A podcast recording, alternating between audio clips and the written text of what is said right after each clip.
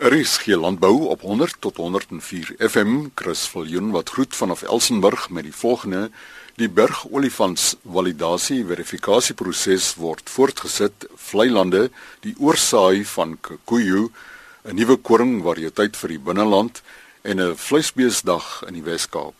Die bergolifants validasie verifikasieproses het verlede jaar afgeskop en is hierdie week voortgesit op Stellenbosch, die Parel en vanoggend in die stadsaal van Mamsbury. Daryl Daniels is adjunkdirekteur van die bergolifants Proto CMA.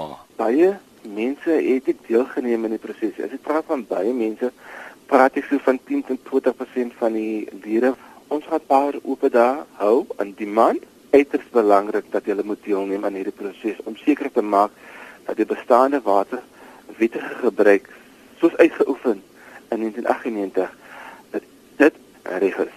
Die opendae sessies soos ek nou genoem het in terme van validasie en verifikasie, ek vertrou almal is nou op woorde van sake wat dit is. Maandag is ons by Tilburg, Tilburg stadsaal en dan die 15de by Piketberg, dis die die berge gastehuis en dan laaste maar nie die minste nie op donderdag die 16de Februarie as ons in Klein Willem by die nedergereformeerde kerksaal neem deel aan die proses as jy wil nog water gebruik. Weerens die laaste keer van die departement se kant af, wat doen ons versoek dat lede gebruik maak van die proses. Wat moet boere saambring na hierdie vergadering? As jy titel 8 het, bring dit saam. 1 2 'n kopie van jou ehm um, afskrif van jou identiteitsdokument as jy nou die watergebruiker is. Jy moet weet wat aangegaan het gedurende die proses van 1996, 97, 98 op die grond. So as jy die plaas oorgeneem het in maak dit voorbeeld 2006. Sal ek voorstel as jy nog in kontak is met die eienaar dat jy weet wat aangegaan het op die grond. Die departement wil hê jy moet soort van 'n uh, soort van 'n uh, uh, verrassing kry om te sien dat daar nie water gewees op die grond. Ehm um, soos dit bevestig was in met vorige dokumentasie of die vorige eienaar. Baie belangrik e-, hierins dat mense, lede, veral produsente, dat die eienaar is, 'n brief het in terme van jy nou wat hy is eienaar of as hy huurder is, jou huurkontrak bring dit saam. Daryl Daniels, adjunkdirekteur in die departement water en sanitasie, sy sel 060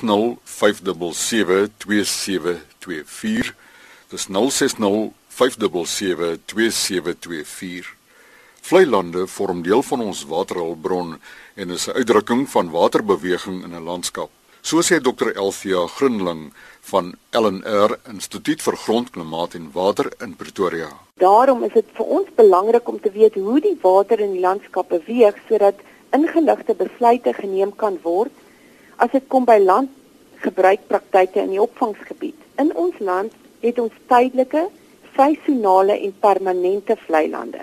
'n Baie spesiale tipe vlei land, veenland by, is 'n area wat permanent nat is en daar is hoë inhoud organiese materiaal wat daarin akkumuleer. Veenlande is byvoorbeeld stoorareas dan vir koolstof en vir water en hulle kan wissel van kort bisie bedekking tot lang riete en palmiete en selfs moerasbosse.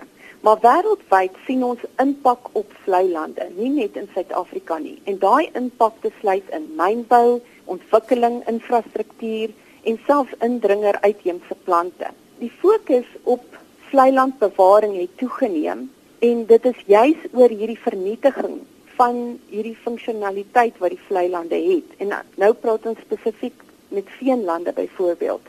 As die veenlande vernietig word en brand, kan hulle nie meer daai koolstof stoor nie. En inteendeel die koolstof word vrygelaat. Dit besoedel die lug en daar is ook nie meer daai waterstoorkapasiteit nie. As hierdie gedegradeerde area nie gerehabiliteer word nie kan dit ook 'n risiko wees vir vloede. Wêreld vleilanddag was gevier op die 2de Februarie. Nou ter viering van wêreld vleilanddag het die landbou navorsingsraad twee aktiwiteite aangebied Die eerste een was 'n oop dag by die Kolben Vleiland in Pretoria. Die LNR het hierdie geleentheid aangebied in samewerking met nie-regeringsorganisasies soos die Vriende van Kolben, die Tshwane Universiteit van Tegnologie en Wetrest. Die tweede geleentheid ons jaarlikse Vleiland seminar. Vandag, die 10de Februarie, word die jaarlikse vlei land seminar gehou by die Instituut Grondklimaat en Water in Arcadia, Pretoria. Hierdie funksie word gedoen in samewerking met die internasionale vlei land bewaringsgroep. Nou hierdie geleentheid word gebruik om die navorsingsprojekte waarmee ons tans besig is en waarmee ander instansies besig is bekend te stel en ook die resultate wat gelewer is te deel. As daar enige navrae is, kan jy my kontak by my e-pos, my naam Alfia A L T H E A @arc.agric.za. Dr Alfia Grinling van LNR IGKW, haar e-pos alfia@arc.agric.za. Nou oor die oorsaai van kikoejo met alternatiewe grasspeelgewasmengsels, sluit ons nou aan by navorser Janke van der Kolf van die Outeniqua Navorsingsplaas. As gevolg van die relatiewe eenvoudige bestuur in vergelyking met grasklawerweidings en die betreklike hoë veiding en melkproduksie verkrygbaar daarvan af, is kikoejo raaigrasweidings al vir 'n geruime tyd 'n populêre veidingstelsel vir melkprodusente in die Suid-Kaap. Die volhoubaarheid van die stelsels is egter in gedrang as gevolg van die hoë insetkoste verbonde daaraan, spesifiek in terme van stikstofbemesting en besproeiing. Ingevolge is navorsing onderneem op die Outeniqua Navorsingsplaas om te bepaal of alternatiewe gras en peulgewasmengsels suksesvol binne 'n bestaande koekoeweiding kan gevestig en bestuur word. Vier mengsels gebaseer op rooi en wit klawer en vier verskillende grasspesies, naamlik langsengras, eenjarige raaigras, kroppaalgras of meerjarige raaigras is geëvalueer tydens die ondersoek. Elke mengsel is dan deur middel van drie verskillende minimumbewerkingsmetodes oorgesaai in die kokoejo. Die metodes het bestaan uit die gebruik van 'n minimumtilplanter, 'n kapploeg of bespuiting met 'n kontak-onkruiddoder voor die vestiging met die minimumtilplanter. Daar is gevind dat die beheer van die bestaande stand deur middel van of vlakbewerking met die kapploeg of bespuiting met die onkruiddoder die klawerinhoud van die weiding bevoordeel het. Verder het mengsels waar die graskomponent stadiger gevestig het, soos met kroppalgras of langswenkgras, ook geneig om 'n hoër klawerinhoud te handhaaf as die raaigrasmengsels. Daar moet egter genoem word dat die behandelinge ook oor die algemeen 'n hoër persentasie van opslaangrasse in die eerste jaar gehad het. Opbrengs en veranderinge in botaniese samestelling van kokoejo graspeelgewasveidings blyk dus om 'n komplekse interaksie te wees tussen spesies oorgesaai en die vestigingsmetode wat toegepas word. Om die voordeel van die peelgewaskomponent in terme van stikstofbinding te benut, is veidings tydens die ondersoek slegs een keer per jaar strategies bemes met 50 kg stikstof per hektaar gedurende die lente. Resultate het egter getoon dat alle behandelinge afname in opbrengs ondergaan het vanaf jaar 1 na jaar 3, onafhanklik van die vestigingsmetode of mengsel wat oorgesaai is. Verder het alle behandelinge ook 'n verlaging in die klawerkomponent tot onder 30% in jaar 3 ervaar, wat die voordeel vanaf die peulgewaskomponent sou beperk. Dit is dus duidelik dat verdere navorsing sal onderneem moet word om of die klawerkomponent volhoubaar in die mengsel te handhaaf of om strategiese bemestingsprogramme te ontwikkel wat weidingsproduksie kan optimaliseer. Janke van der Kolf, navorser by die Outeniqua Navorsingsplaas, haar e-pos janke j a n k e v d c by elsenburg.com. En nou na Bethlehem, die hoofkantoor van LNR Kleingraan Instituut. Dr. Robbie Lindetjie gesels oor 'n nuwe koringvariëteit vir die binneland. Nou eerstens voor ek nou by ons nuwe kultivar uitkom met die naam van Kubetu, wil ek net so 'n bietjie gou vassteek by Elands en by Matlabas. Nou dis twee van ons ou staatmakers wat nog hier in die binneland um, in die Vrystaat hoofsaaklik onder droëland verbou word. Elands is 'n intermediêre tipe koring. Met ander woorde, boere kan hom met redelike goeie sukses tot relatief laat in die plantseisoen uh, steeds aanplant. Eland het baie goeie kwaliteit. Hy is om die waarheid te sê tot op datum is hy nog steeds die die kwaliteitsstandaard vir droëland uh, cultivars in die binneland. En dan het hy ook goeie opbrengs. Um, hy het byvoorbeeld nou oor die afgelope 4 jaar die 6de plek behaal um, in die Oos-Vrystaat vir die laat aanplanting. Nou die verskil in ton per hektaar tussen hierdie sesde plek van Elands en die cultivar wat die eerste plek beklee is maar ehm um, 0.13 ton per hektaar. So dis dis dis eintlik dit is Elands se se opbrengs steeds baie goed. En dan aan die ander kant het ons nou vir Matlabas 'n uh, wintertipe koring. Hy uh, baie langer groei seisoen nodig en het dan ook heelwat meer koue eenhede byvoorbeeld nodig om om heeltemal uh, te vernaliseer. Produsente moet Matlabas verkieslik eerder te vroeg as te laat aanplant. Nou Matlabas het ook goeie kwaliteit, maar dit is vir al sy opbrengs wat dit regtig 'n staatmaker kultivar maak. Hy het ook onder die die gemiddeld vir die afgelope 4 seisoene het, het Matlabas byvoorbeeld vroeë aanplanting vir beide die Oos-Vrystaat en die Sentraal-Vrystaat eerste gekom. En dan wil ek nou graag by Kobeto uitkom. Dis die Sesotho naam uh, vir die Liebenberg vlei wat sommer hier teen aan die Klein Graan Instituut verbyloop. Teelproewe vir die afgelope klompie jare neig Kobeto na 'n um, ehm, intermediêre tipe koring met goeie kwaliteit. Hy's by die Suid-Afrikaanse Graanlaboratorium goedgekeur.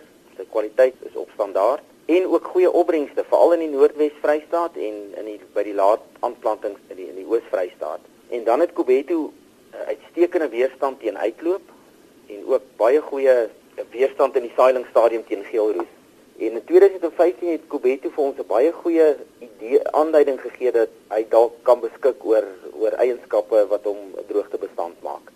En dan kan ek miskien net afsluit deur te sê dat ons hoop Kobeto gaan so teen 2018-2019 kommersieel beskikbaar wees vir boere en dan word hierdie kultivars van ons natuurlik deur ons vennote by K2 bemark.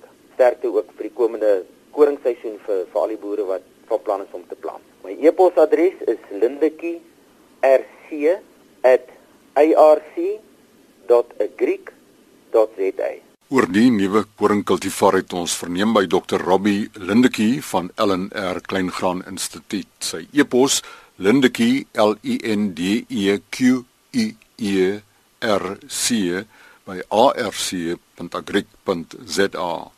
Moni Grobler van FSD op George is die programbestuurder van 'n vleisbeesdag op die Outeniqua Navorsingsplaas op Dinsdag die 21ste Februarie. 'n Vleisbeesdag waar ons kyk na uh, meerendeel die ekonomie van vleisbeesproduksie hier in die Suid-Kaap en dan ook in die Klein Karoo en die Eden distrik en in die omliggende gebiede om te kyk uh, hoe ekonomies is dit waar die mense maar hoofsaaklik met uh, koeikalfstelsels en 'n speenkalfstelsel werk.